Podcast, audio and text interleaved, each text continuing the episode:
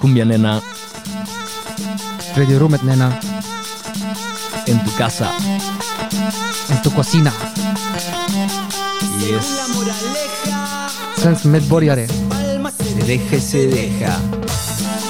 Papá, jag har passet. Och du, José? Ey, shit. Jag visste inte att du kunde cumbia. Jag är en svensk medborgare. Ja, men jag trodde du var assimilerad. Vad hände med det? Medborgare. Assimilerat mig bror. Alltså inte... Invandrare for life. Varför har du jobb då? Ska inte du liksom vara utförsäkrad? Och... Pappa måste betala hyran. Ja, jag vet. Shit. Men jag tror det är så. Man kan inte gå runt och lyssna på cumbia på arbetsplatsen för då blir man ju direkt eh, invandrifierad. Invandrifierat. Nej men de lyssnar, de gillar det ju. De Alltså? gillar det exotiska. Ja, ja okej. Jo, det finns ett Okej. element av det. Att eh, så länge det inte är, nice. skrämmande så ska det vara exotiskt och liksom appealing. Latinamerikaner är ganska Appealing. appealing till den vita härskarkulturen när, Den blicken. ja, men det när man kan finns- konsumera liksom, latinamerikansk kultur och latinamerikaner. Oh ja. Det finns en marknad för det. Det finns en marknad för det. Latin lover. Ja, den här latin lover-stereotypen. Som, som begrepp. Som, som många amanar också. Mannen, jag vet inte hur Mm. många som kommer fram till mig och tror att jag är en jävla latin lover. Nej, med, med, med grejen, det här med cumbia, det är intressant. Ja, Mm. Jag lyssnar inte så mycket på cumbia i Argentina alls. Inte? Alltså jag lyssnade Men för det cumbia fanns i kontexten. Argentina, Jo, alltså alla lyssnade. Det går inte inte att lyssna på det, grannarna och så vidare. Men i Argentina, rockmusik också har har ganska framträdande roll i periferin, i, i förorterna och så vidare. Ja men det är sant. Det, det har jag också upplevt i Chile. Det, det, här kulturen väldigt mycket. Hiphop kom ganska sent i, till Argentina. Jag, jag var ju Men- hiphopare när jag besökte Chile, Mm. men alla lyssnade på Metallica. Det, var- var kulturkrock deluxe alltså. Ja, men det finns, eh, det finns en nationell industri i Mm. Latinamerika för, för den typen av musik. Så man behöver inte lyssna Så till er där ute Ja. som inte har lyssnat på cumbia, alltså bara ge det en chans. Jag, alltså jag har gett det en chans sedan jag föddes, så jag skulle nog säga att det inte är min smak. Cumbia är skit, lyssna på salsa istället. Ja, ah, okej. Ser du? Vi vi är två stycken som har erfarenhet Eller av lyssna det. på Men har ni inte cumbia. lyssnat på det så lyssna på det. Och ja, colombiansk cumbia, det är där... Mexikansk cumbia, cumbia originalet. solidera är nice också. Men colombiansk cumbia är ju legendariskt. Ni Cumbia- borde lyssna på det. Jag säger cumbia skit, jag pratar om cumbia villera. Ja, cumbia Villera är ghetto-cumbia. Det är där du vet man dansar med en kniv på festerna och lyssnar på de här tunga liksom här. Tre trabik med vin. Ja, och så massa pianon här. Många syntar. Ja, syntar, mycket synt Ja. och sånt. Ja, men den är, det är både och. Alltså, jag har en ambivalent relation till det. Det, det här med syntar, det är nice. För det är karaktär, du vet. Det blir en estetik till slutet. Och det, det makes sense, för oftast syntar är ganska billiga instrument och du kan göra mycket med dem.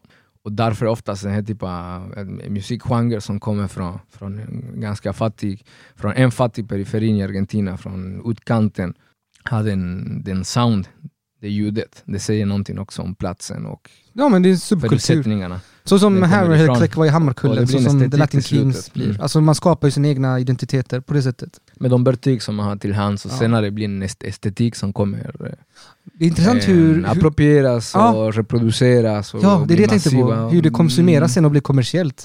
Mm. Det är intressant för att man tar bort liksom, the original element, liksom, det är ju liksom, fattigdomen och det är marginaliseringen och att försöka hitta Det händer någonting något med det ja, på vägen. Eller hur? Ja, det, är inte, det är en konflikt i det också. För det behövs en marknad, liksom. många, många vill leva på det. Och det, är en- en möjlighet precis som med sport. Och, och, Det är så roligt att man inte kan komma utanför den boxen. mm, Du måste anpassa dig till marknaden om du vill leva på det du älskar. mm, Vi kan inte ha ett annat system där du bara gör det. Tänk dig vakna en dag mm, och du säger, nu ska jag prata för mig själv nu. Nu ska jag avslöja lite av mina drömmar i livet. Jag drömmer om att leva och dö ute i rymden. Alltså jag vill vara en försökskanin i rymden. Jag tror att mänskligheten är redo. Jag tror din fru håller med, hon skickar gärna. Ja. Men jag tror bara vi Mm. som mänsklig art egentligen skulle vara redo att som art upptäcka nya system, göra kontakt med nya former av liv, med att utforska det som omringar oss i tomheten för att avslöja mer om vi- vilka vi är som art. Jag vill ut i det interställa djuprymden och jag vill bara se vad det har att erbjuda. Jag är en pionjärtänkare. Men Och du kommer ta corona Men för det- Alltså. så behövs det pengar. Alltså, Om jag vaknar i min dröm nu Mm. så behövs det pengar. Det behövs lägenheter eller bostad. Det behövs konsumeras och det behövs eh, yrke och eh, karriärer.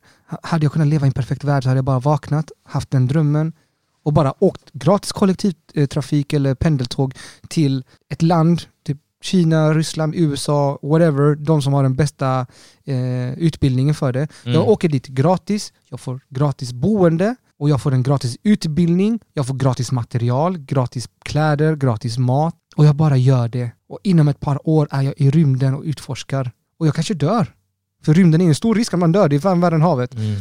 Och jag hade varit lycklig sådär för att jag hade liksom varit människans pinnacle of innovation and eh, travels and exploring. Det är liksom min dröm. Men allt det där jag nämnde förut, det hindrar detta. Jag måste ha en karriär, jag måste vara anpassad, det måste vara marknadsbehov, det måste finnas en supply and demand och det måste finnas underliggande kapital som kan tillåta mig att komma fram till den punkten. Mm. Så då, vi som art är inte Så det blir- intresserade. Det, drömmar blir en klassfråga. Exakt.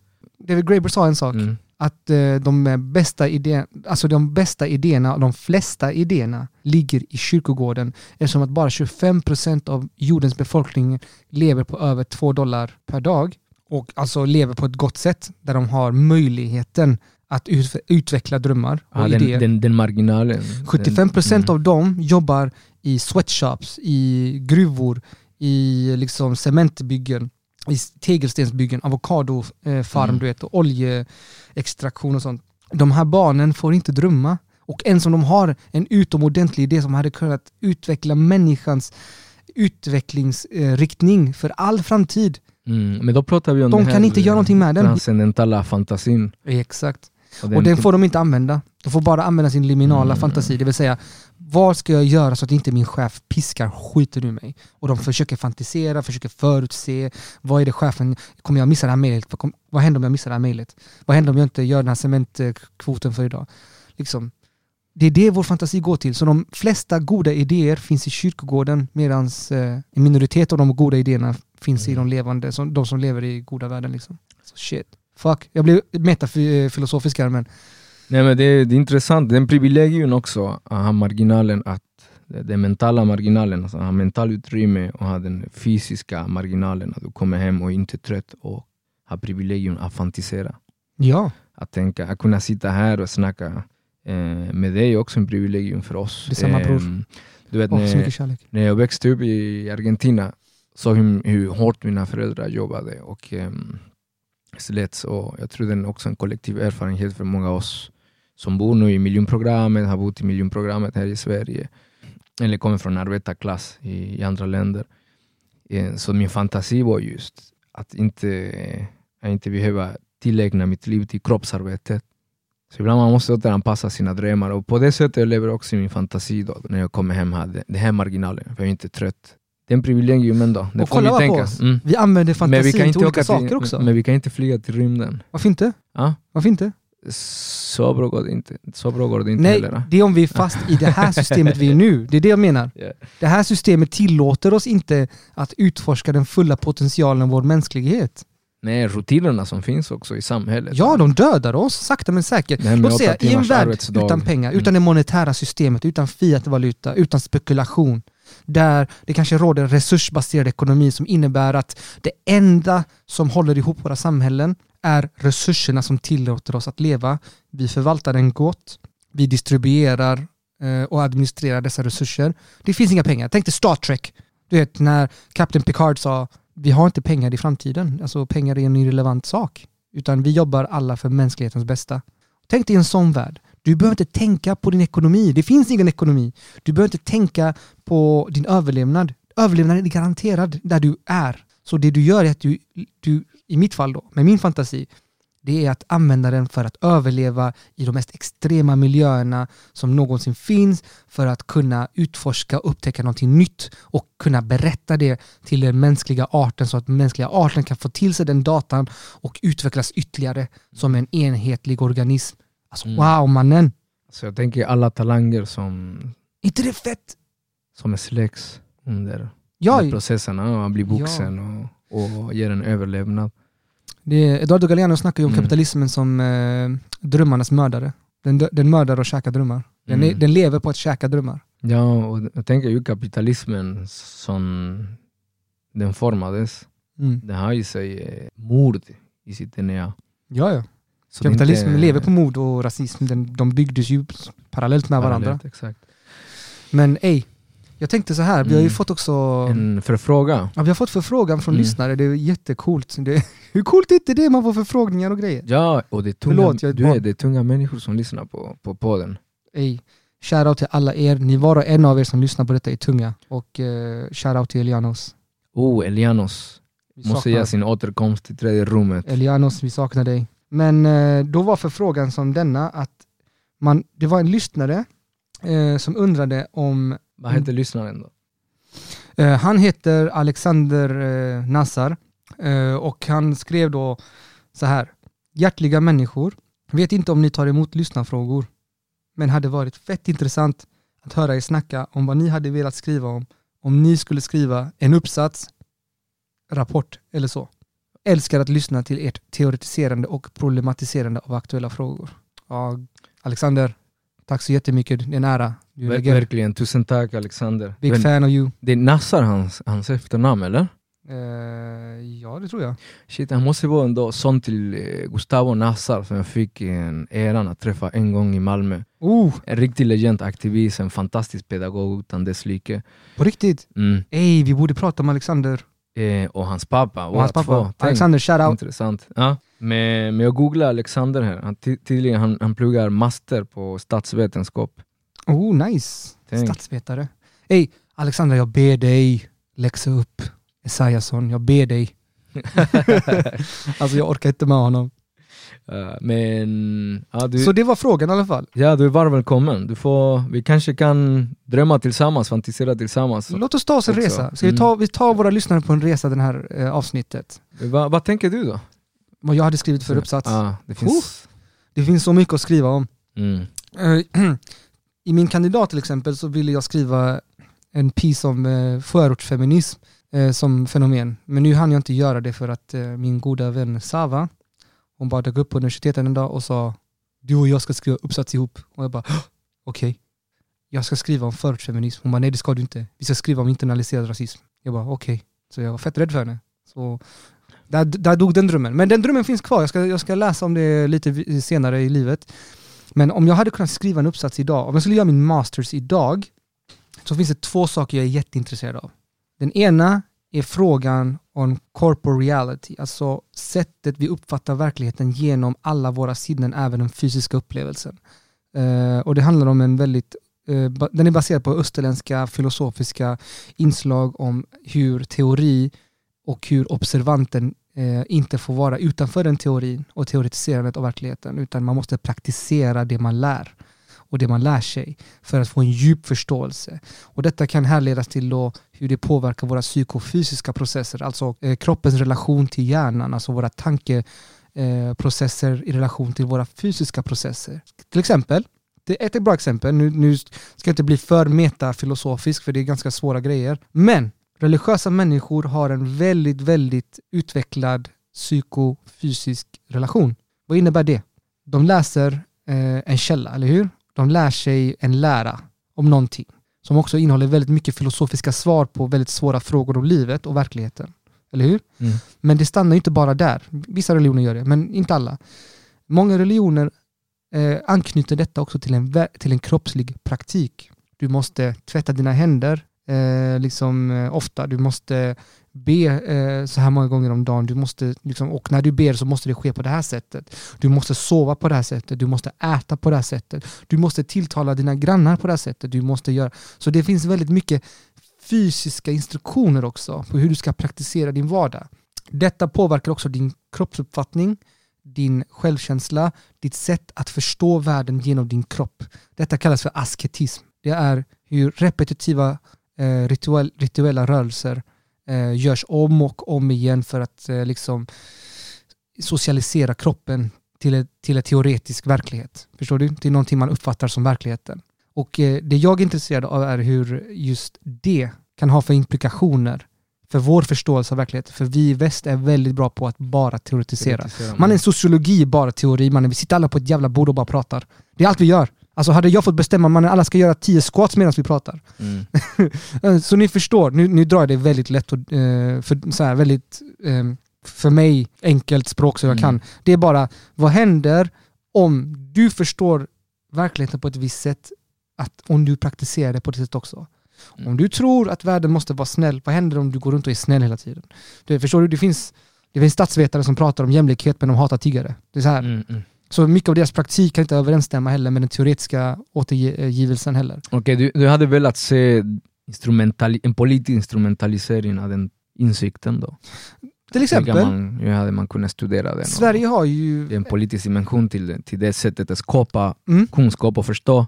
precis, eh, precis. För Sverige har ju en stark eh, eh, idrottsrörelse där, där det som stark idrott har växt fram, men den är inte förknippad till någon förankrad liksom, verklighetsbild eller ontologi om man ska leka Allan Ballan. Eh, till exempel i många andra länder så har ju en praktik direkt att göra med hur vi som samhälle ser på verkligheten och på oss själva. Sen finns det också individuella praktiker. Alltså jujitsu har ju jag gjort en uppsats på, C-uppsats på hur den påverkar självidentifikation och, eh, Mm. och identitetsprocesser. Vad händer när du gör jujitsu över tid? Vad händer Ja, med din det- det uppfattning in- av ja. kroppen, din uppfattning av vänskap? Din Då, då uppfattning... nuddade du den frågan ju. Ja. Det. Men min större fråga är Mm. hur kan man använda den här kunskapen för att utveckla akademin? Mm. Utveckla produktion av kunskap. Det, det är intressant och jag tror det just den insikten handlar också om att förstå, om man får insikten att vi kommer, vi kan inte, vi har inte förmågan att förstå allt. Kommer du all, det finns saker som vi aldrig kommer ha tillgång till, du vet. Mm. Och, och det är en insikt som förnekas väldigt mycket i den europeiska, västerländska Ja, ja eh, universalismen. Du vet, de tror sig kunna åka till eh, jag vet inte, till Brasilien, och till Amazonas och till två veckor och sen kommer de tillbaka och så är de experter på, på en särskild folkgrupp. Eh, Eller hur? Mm. Och det har Utan aldrig de- erfarit Nej, det finns ingen deltagande observation, inget fältarbete. Och det, Mm. det kallas mycket för armchair. Du vet, och även, även när det finns en fältarbete så vår, vår tillgång till kunskap kommer alltid vara begränsad. Ja. Och det, de, I antropologin kallar man det för Mm. armchair anthropology, eller armchair liksom whatever, sociology eller statsvetarology eller vad fan man kallar det. Och det har att göra att man, man inte praktiserar det man faktiskt lär sig om för att inte, man får ingen djup, eh, liksom, djup förståelse. Mm. Man kan inte göra en thick description, en djup eh, analys av någonting man inte heller förstått sig på genom praktik. Och det är ganska intressant. För om vi går tillbaka till jujitsu. Det var eh, eh, mina liksom, respondenter och informanter, de berättade liksom om en process som pågick. Jag, jag, jag undersökte och jag, jag både praktiserade jujitsu men jag också intervjuade de som har gått i olika bältesgrader. Så vit, blå och lila Mm. hade jag intervjuat. För de, hade, de alla har ju gjort det i olika lång tid. Och jag ville se vart de var i sin självidentifikation, på vilket sätt resonerar de kring sin kropp, kring sina rädslor, kring smärta. En jättevanlig eh, återkommande inslag av jujitsu. Du har Mm. ont hela tiden. Du, allting från att du vrider och eh, väcker på lemmar och leder till att du har blåmärken och blåtiror och du vet, brutna ben och sånt. Så många av dem liksom kunde återge detta att de har aldrig insett hur de kan lära känna någon bättre genom att fightas med dem än att prata med dem. Bara det är lätt att prata med någon som ser glad ut, men så fort du börjar fightas med dem så kommer deras riktiga känslor fram. Bara det är en psykofysisk relation där som sker, ett utbyte som också avslöjar djupare kring hur man förstår varandra. Eh, eh, konstat- Jag kan ge ett konkret exempel. Det Mm. var någon som rullade med någon som var väldigt glad. Han kom in väldigt glad. Han berättade för mig att ja, men vi var väldigt glada och han sa vi, vi kör lugnt. Eh, Jag är väldigt trött idag och han var glad men jag, liksom, jag vill bara lära mig idag. Men han sa att så fort de klappade händer, i jujutsu klappar man händer innan man fightas. Han körde rakt över honom som en traktor och han försvarade sig. Han bara, jag, jag blev panikslagen så jag höll honom i guard. Guard är när man håller någon i en säker position. Där de inte kan röra sig längre, man låser deras kropp med sin kropp, som en Mm. anakonda. Eh, och då hör han hur den här glada killen, quote unquote, börjar grymta. alltså han blev så här, han blev frustrerad, han var arg. Och han sa det, den här killen var inte alls så glad. Han sa att han var glad, men han var inte glad. Han var Mm. arg och han var ute efter att döda Det någon. var ilska. Det var Mm. ilska och frustration. Han bara, och där insåg jag, det folk säger är inte alltid det de faktiskt menar Mm, eller det de mm. känner och det de gör. Genom den kroppsliga praktiken så kan vi komma närmare in i varandras känsloliv och också lära känna varandra djupare. Man, man kan känna när någon är ödmjuk, man kan känna när någon tar i, när någon är eh, ängslig, när någon är ledsen och uppgiven eller arg och frustrerad eller liksom competitive. Eller liksom, förstår du? Mm. När någon har bra självförtroende eller när någon har dåligt självförtroende. Det känner man på hur de ger upp positioner eller hur de håller kvar i dem, hur de passerar, hur de satsar. Vissa vågar förlora och testa om igen. Vissa vågar inte förlora, de, de vill hellre svimma eller bryta en arm än att förlora. Så det, man kan känna av sinnesstämningen. Det är konsekvensen av att när man blandar in den kroppsliga praktiken i den teoretiska inramningen. Jiu-jitsu, vad innebär det? Man ska göra så här. Det här är för att eh, kunna liksom överkomma ett eh, hinder, bla bla bla. Bra, all well and good. Men du kan aldrig bli mätt genom att bara läsa menyn, eller hur? Du måste äta också, du måste praktisera. Där har du, och där är mitt intresseområde. Mm, det är Förlåt, intre- jag, Ja, det blev nej, långt det, men... Det är jävligt långt alltså. Nej. Fan förlåt. Men det är att det finns en, en relation där som inte är så uppenbart alltid. Nej, nej. Mellan så här, diskurs, praktik och kunskap som formas. Precis. Från, sen, eh, från den relationen då, och hur vi förändras genom... Ja, ja, och vi förändras genom det. Och jag vill också påstå Mm. att de som studerar förändras med det de studerar. Mm.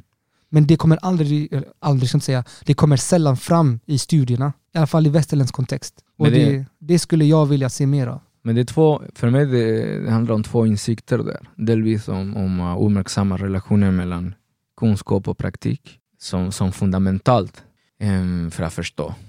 Och, och den andra är också insikten att vi, vi kan inte förstå. Vi, vi kan ha förståelse men vi kan inte veta vissa saker. Och jag tror liksom just den insikten ger, ruvar ur balans den idé om expertis. Ja, ja. Det- För vi, liksom, Mm. vi är alla livets studenter, vi kommer aldrig upp, liksom, upphöra att vara det. Men du då? Och, ehm, nej, jag har inte tänkt på den frågan. Men Portugis. eh, spontant tänker jag, jag är intresserad av väldigt instrumentella saker på det, eh, inom politik. Jag är ganska intresserad av att se, det var intressant att studera närmare den politiska praktik som Socialdemokraterna har utövat i, i de kommunerna som där de har hög representation eller som de styr för att kunna ge en prognos om vad hade hänt på nationellt nivå i relation till deras partiprogram, deras diskurs och deras praktik i en spekulativ framtid där, Du menar typ som hypoteser? som en hypotes. För jag, jag tror den prognosen är ganska enkelt att dra för de som, som är intresserade av politik och förstår sig på politik, men Mm. inte så uppenbart för alla. Och den typen av prognoser kan göras eh, väldigt med, man kan vara väldigt precis med den typen av prognoser idag. Vi kan se hur de driver sin politik i många kommuner och på det sättet kan vi också förutse vad hade haft den för konsekvenser på ett nationellt nivå. Den redan har konsekvenser. Men vad tänker du då? Att kan man förutse vad som planeras på riksdagsnivå genom att studera hur kommunala po- lokalpolitiker Förmodligen. agerar? Delvis genom att se deras partiprogram och delvis att se hur de agerar, hur de är i, i, i själva praxis i politiken, då, hur Alltså- de styr i många kommuner. Det som kommer närmast i min tanke är att man kollar på Ann-Sofie Hermanssons agerande och hur hon liksom hatar fan, tiggare, flyktingar, allt möjligt. Disclaimer, jag är eh, tillförlitlig, litar inte på någonting jag säger, anmäl mig inte. Men ja, när hon beter sig på det sättet och så kan man ändå liksom förutse att regeringen kommer snart strama åt flyktingpolitiken med tanke på hur Ann-Sofie Hermansson beter sig. Mm. Något sånt där eller? Absolut, men det är också, jag tror det kan finnas en dissonans mellan parti, med ett partiprogram och själva praktiken. Och de dissonanserna är väldigt svåra kanske att, att förutse idag när, de inte, när vi inte har en premiärminister som är, social, som är socialdemokrat eller sverigedemokrat. Ibland inte så stor skillnad i vissa punkter, men eh, som inte är sverigedemokrat. Du vet, och de är tredje största parti, men de är inte andra största parti än. Nej, Men de kan bli. Det är mycket möjligt. verkligen. Eh, så det vore intressant att kunna resa till framtiden och dra och göra liksom bra prognoser. Eh, på Kanske det inom en som, som kan stiftelse. hända. Ehm, och sen vad mer? Eh, tänkte också intressant det som hände i Chile Mm. exempelvis. Ja, verkligen. En, I mean, det är inte så olikt det som har hänt många gånger på olika platser. Jag tänkte på 68 eh, i Frankrike, tänker på 2001 i Argentina. Ehm, Mm. Det vore intressant, jag tänker på indignadsrörelsen i Spanien. Det vore intressant att, att dra lärdom och se vad, vad som hände. Vad, vad kan hända med sådana rörelser in, i en liberal demokrati? Hur kan de om, säga att liberal demokrati är fortfarande det enda alternativ? Hur kan, de, hur kan man skapa en katalysator för dessa sociala rörelser? Och, och vad händer i övergången till institutionalisering? Eller till, till institutionaliseras och fråga. försöka få någon form av politisk representation inom institutioner. Hur kan man göra den resan Ja. eh, på bästa sättet? ja, det är en jätteintressant fråga. För För, det finns, eh, det finns, jag tänkte det finns riskerna att det försvinner. ah. alltså, ja, men inte- marknaden är global och förtrycket är globalt.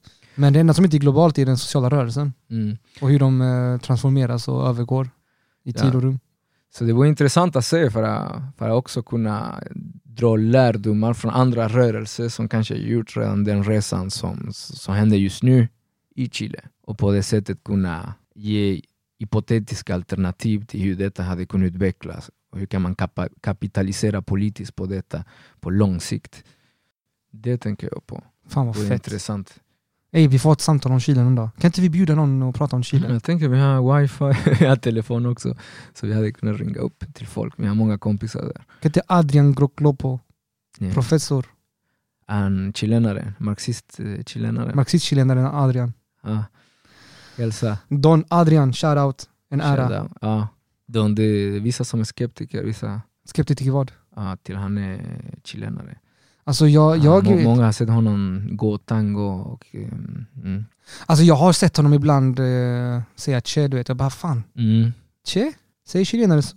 Jag vet inte, men jag vet att han Ranstorp är ju dundersäker att han är en marxistisk chilenare. Så Mm. Och han är, han är Försvarshögskolan, liksom, ja, om de säger att han är chilenare, tänk- han är forskare. En akademiker säger det så. Ja. Men jag har ändå sett Mm. honom liksom säga che, du vet. Och göra sina gest, du vet, som argentinare gör. Jag vet Ja. inte, jag, jag blir misstänksam. Om publiken vet så får ni kommentera. Är Vi Adrian chilenare eller den, eh, argentinare? Rasmässiga, Kanske, etniska eh, bakgrunden på Adrian. Om ni ja. har tips så återkom Vi är till desperata. Vi vet inte hur vi kommer hur vi ska rasifiera honom, så hjälp Nej. oss. Mm? Men du var också uh, chilenare eller? Var du chilenare? Ah, mar marxist framförallt. Ja, marxist. Chilenare. Jag kommer ihåg, jag kommer ihåg när vi satt i ett rum du och jag när Ranstorp kom ut med den där uttalandet att det är bara marxistiska chilenare som hjälper muslimer för att... Och jag kommer ihåg hur vi reagerade så olika. Du vet, jag och Daniel reagerar väldigt olika på det där. För det första så reagerar jag så här. "Hå! Hur kan han säga så? Jag är inte marxist. Och Daniel bara. "Hå! Hur kan han säga så? Jag är inte chilenare. Men det som är intressant ändå, jag, jag tänker väldigt mycket min resa i Sverige, du vet, 15 år nu. Och det är så mycket som, som har tagits ifrån er, ifrån er, men det är så mycket som man också fått under resan. Och Ja, det, det är så med alla resor, eller hur? Ja, ja. Men, Vi alla ehm, blandas, naturligt. Jag kan inte föreställa mig en Sverige utan, utan chilenare, utan somalier, utan kurder. Det skulle, Utan inte vara, Zlatan. det skulle inte vara värt att leva här. Utan Absolut iranier. inte mannen. Vet du hur kul jag har haft? Mina bästa minnen är, är i mångfalden. Alltså mina tråkigaste Mina- minnen är när jag sitter i de här tysta middagarna och där allting bara ska handla om eh, ytliga saker. Om, Mm.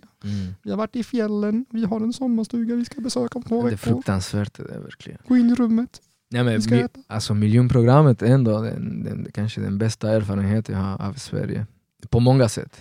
Ehm, du vet, de har kommit närmare så många andra, det har öppnat så, nya, så många nya fönster Ja. till andra verkligheter och till andra kulturer. Och där har vi en ny social praktik Mm. och en ny fysisk praktik.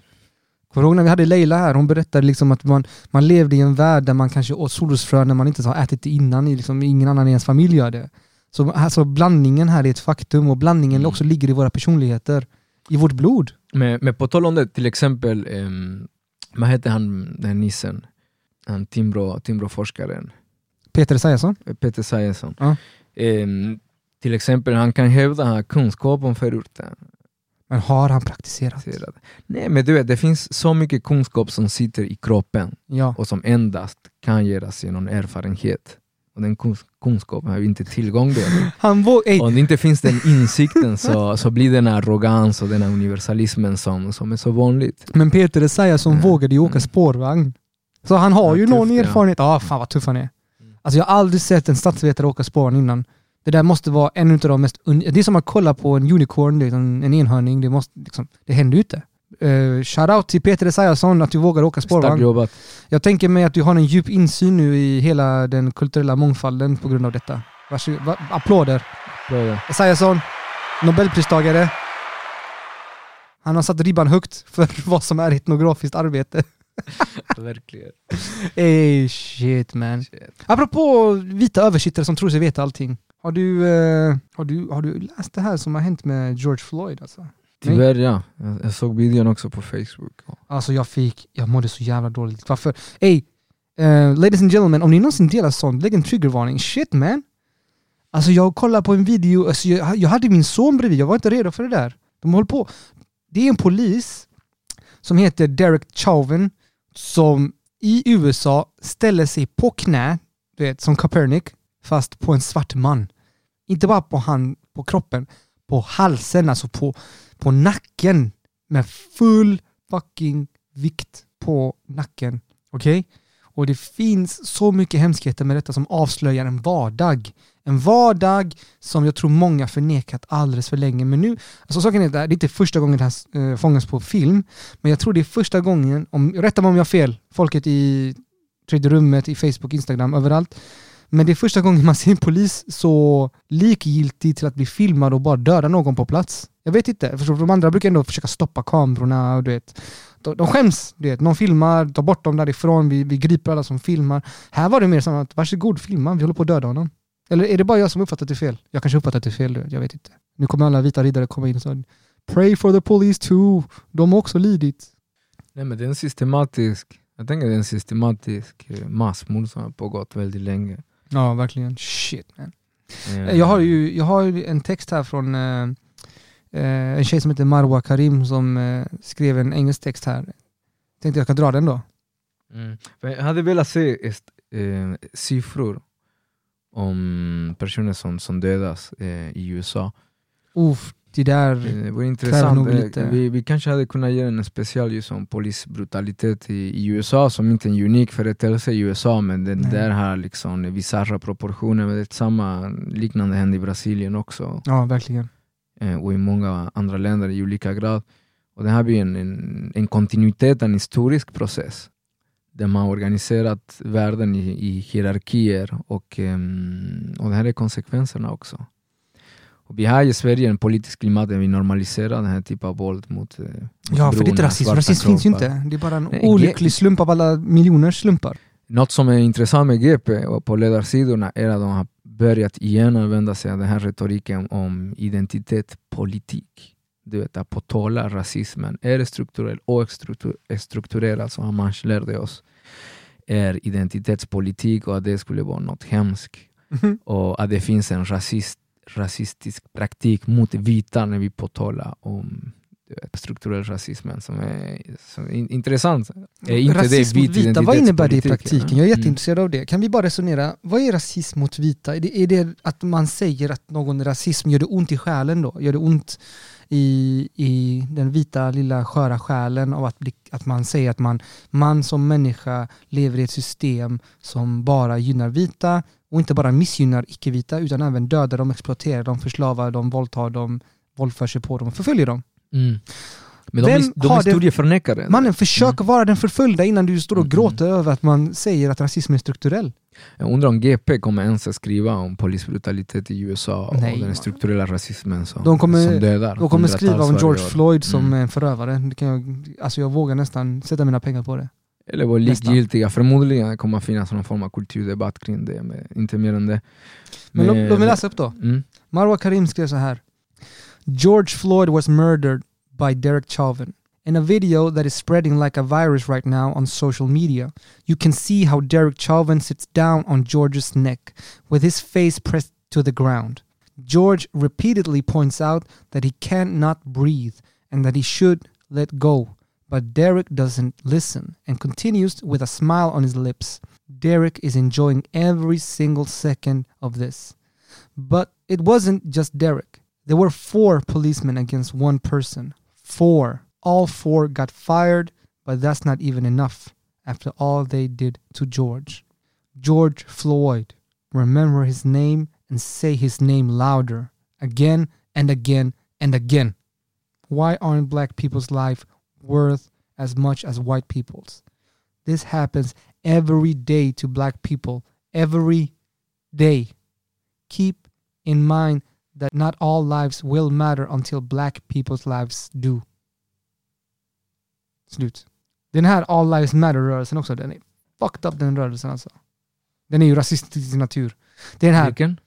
All Lives Matter, det är en, Ah, det är en ja, antites självklart. till Black Lives Matter. Nej, De, det, det, det är samma tes som Göteborgs-Posten ja, ja. och Svenska Det är så här, rädda, rädda, rädda regnskogen. Även Ja men svenska skogar är också Mm. värda något eller?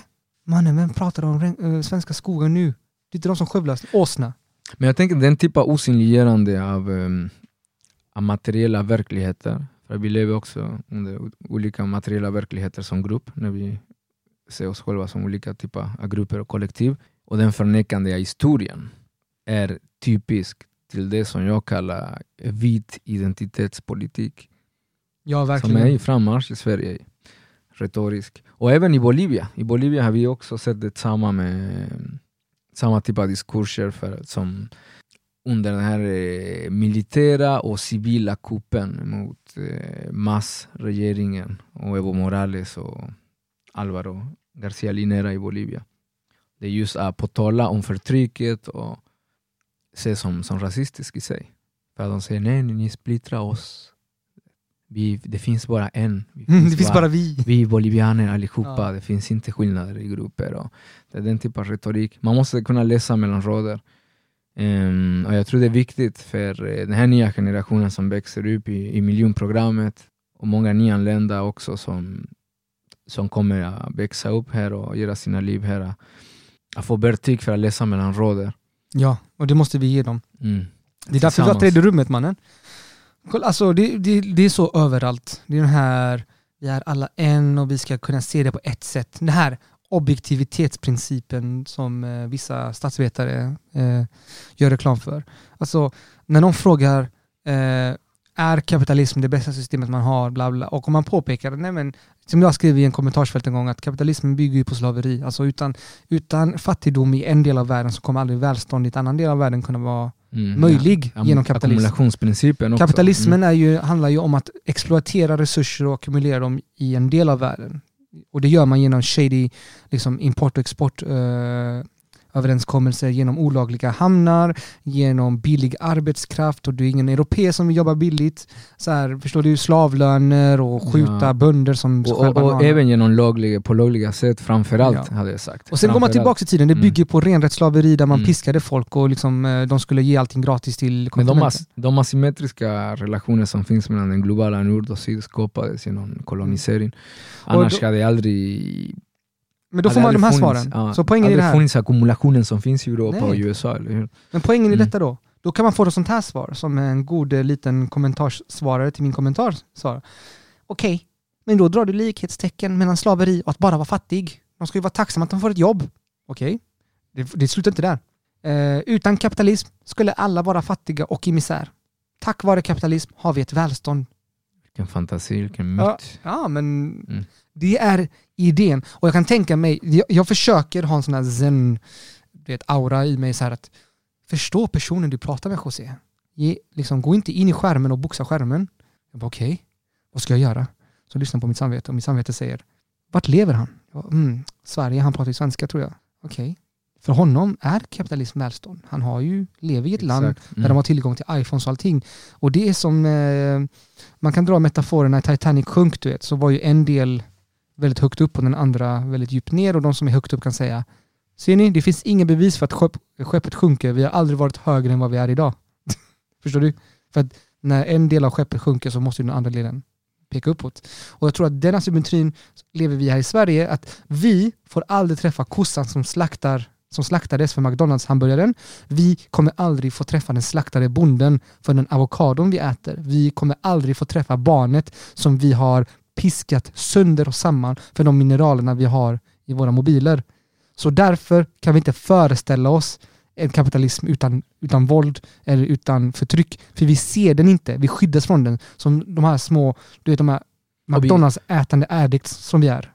Jag tror också vi, rent retoriskt, man, man bygger upp det narrativet för att lura sig själva. För att, Ja, ja det tror jag jag. tror det är ingen det som kan- det är ingen som kan leva med den kogn- kognitiva dissonans. Nej, nej. Eh, Så vi måste det. Så, så den typen av mytologin skapas på, på det sättet också som ett sätt att överleva. Vet du det Mm. roliga är? Det, alltså, det här är ett vanligt troll på Facebook. Mm. Men hans argumentation används av seriösa stiftelser och tankesmedjor. För att de vinner på det. Så det här, Mm, mm. ett troll som säger någonting urbota, absurt och dumt är faktiskt en sanning för många. Tänk också asymmetrin är den organiserande principen inom kapitalismen. Ja, shit. Eh, Det handlar inte om att radera ut fattigdom, det handlar om just om att utnyttja den som en kapital också. Och där kommer våldet. Alltså, och jag tror att det är där också, man inser inte hur minoriteter liksom kontrolleras på det sättet. Också från ett ekonomiskt perspektiv men också liksom ett kolonialt perspektiv. Alltså de ska rätta sig i ledet till den härskande klassen. Och den härskande klassen är en vit, manlig. Kvinnligt Det finns kvinnor så- också, jag, mm. jag vet att du tänker. Ja. men förstår du? Mm. narrativ och det är de som styr samtalet. De styr polisen, de styr institutionerna, de styr allt i alla delar av världen. Du kan till och med gå till en icke-vit institution i Chile och de kommer ändå stå till tjänst för, eh, för Europa. Hur många mobiler har du? Ja. Ja. Jag har två mobiler. En för varje situation brorsan. Okej, men om vi återgår till eh, George Floyd då och eh, pratar om statistik så finns det ju lite statistik som finns ute i alla fall. Jag vet inte hur eh, accurate de är, men det är från en databas. Till exempel, till exempel så fanns det 1099 inrapporterade polis, alltså där polisen mördar människor 2019. Black people, de är bara 13% av hela populationen i USA men de står för 24% av alla de morden där polisen har mördat, eh, liksom avrättat folk. Det där är fucked up. Det står också De är 99. tre gånger mer likely to get killed by police än andra grupper.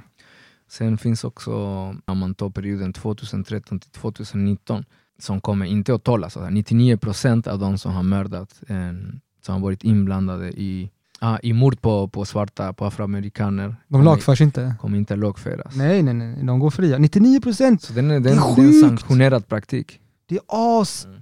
lite människor, poliser som blir lagförda för mord på, på svarta. Och sen hispanics också. Hispanics är den näst största gruppen som blir mördade. Tänker också alla papperslösa i USA. Saken är att de papperslösa räknas inte. kommer synas i De, syns i Mm. statistiken för de räknas inte som människor. Jag tror man måste ha någon sorts eh, medborgarskap för det. Om vi pratar om kapitalismens eh, hjärtat nu, om USA som, som, som, som är Sverige är faktiskt allierade, eh, José. Med Mm. USA. Ja, vår första feministiska regeringen är De allierad älskar med, med USA. De älskar All Lives Matter. Det är, alltså det är ett problem för Sverige stöttar. Saken med Sverige det är inte bara det, de stöttar ju allting just nu som är människovidrigt, människorättsvidrigt Mm. och bara omänskligt. De har tagit på sig rätten att bestämma vem som är president i vilket land. De bestämmer rätten om vem som har rätt att fly. Tänker eh, Krig. Sveriges intervention i Libyen Ja. exempelvis, militära på- övningar tillsammans med USA idag. De tar på sig rätten att avgöra vem som ska få vård eller inte. De tar på sig rätten för väldigt många saker som är människorättsvidriga och människovidriga. Mänskligt vidriga Mm. saker. Så jag, jag ställer mig frågan till Sverige som, som moralisk övermakt nu när det gäller eh, neutralitet och, och mänskliga rättigheter. Jag tror att den tiden är förbi faktiskt. Totalt, totalt. För Den är länge borta. sedan. Mm. Och Sverige har inte fördömt polismorden på svarta i USA. Jag, tänk, jag tänker också på det vi pratade om, retorik, om vad, vad som sägs, vad som inte sägs, vad som står, vad som står skrivet i, mellan, rader, mellan det, vad betyder när vi säger att vi är en feministisk utrikespolitik i Sverige? Jag, vet- jag vet inte. Helt ärligt, jag har inte sett Mm. någonting som är feministiskt där. Tänk att vi officiellt, det här är ingen hemlighet, det är statshemlighet, vi är officiellt allierade med USA. Ja. Man- Trump, Trumps administration. Det finns eh, också partier i riksdagen som hyllar Ungern som till och med tar bort massa rättigheter för hbtq och kvinnor eh, Mm. rättsfrågor. Alltså, vi har inga problem att vara med dem. För att de, vi står och hyllar dem på deras födelsedagar. Bara grattis på födelsedagen, du är en bra politiker. Det är sjukt är det. Mm. Så alltså jag, jag, jag är lite uppgiven kring det här med svenska eh, solidaritetsrörelsen. Den är sjuk, den är skev och den är väldigt, förstår du? Jag vill bara se mer som talar om George Floyd. Jag vill se fler som tar upp namnet, diskuterar det på arbetsplatsen, vad innebär det? Som det här med den kulturella svimningen i, som i, i Göteborg, det, när någon anklagades för kulturell svimning och personen är död nu. För att personen hade en hjärnblödning Mm. men dog på grund av att han inte fick vård. Och Sahlgrenska sjukhus försvarar personalen som gjorde det här. De försvarar ställningstagandet. Istället för att utreda och Ja, försöka det är helt sjukt.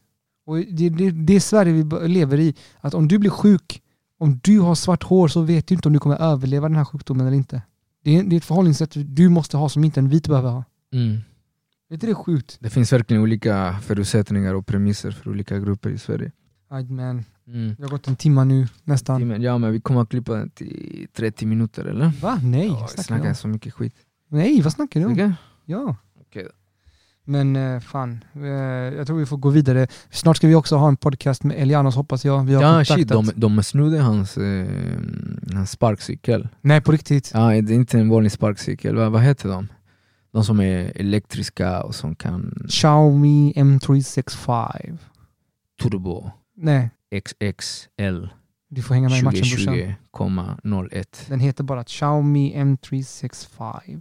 Så och någon har sett den, den är svart, den har två hjul, Hade den skärm? snabbt, Ja, den åker snabbt. den, den är Lianos. Men eh, fan, ska inte han ha en ny? Det är så här, eh, vår polare, vän, eh, också lärare, han lärde oss så mycket.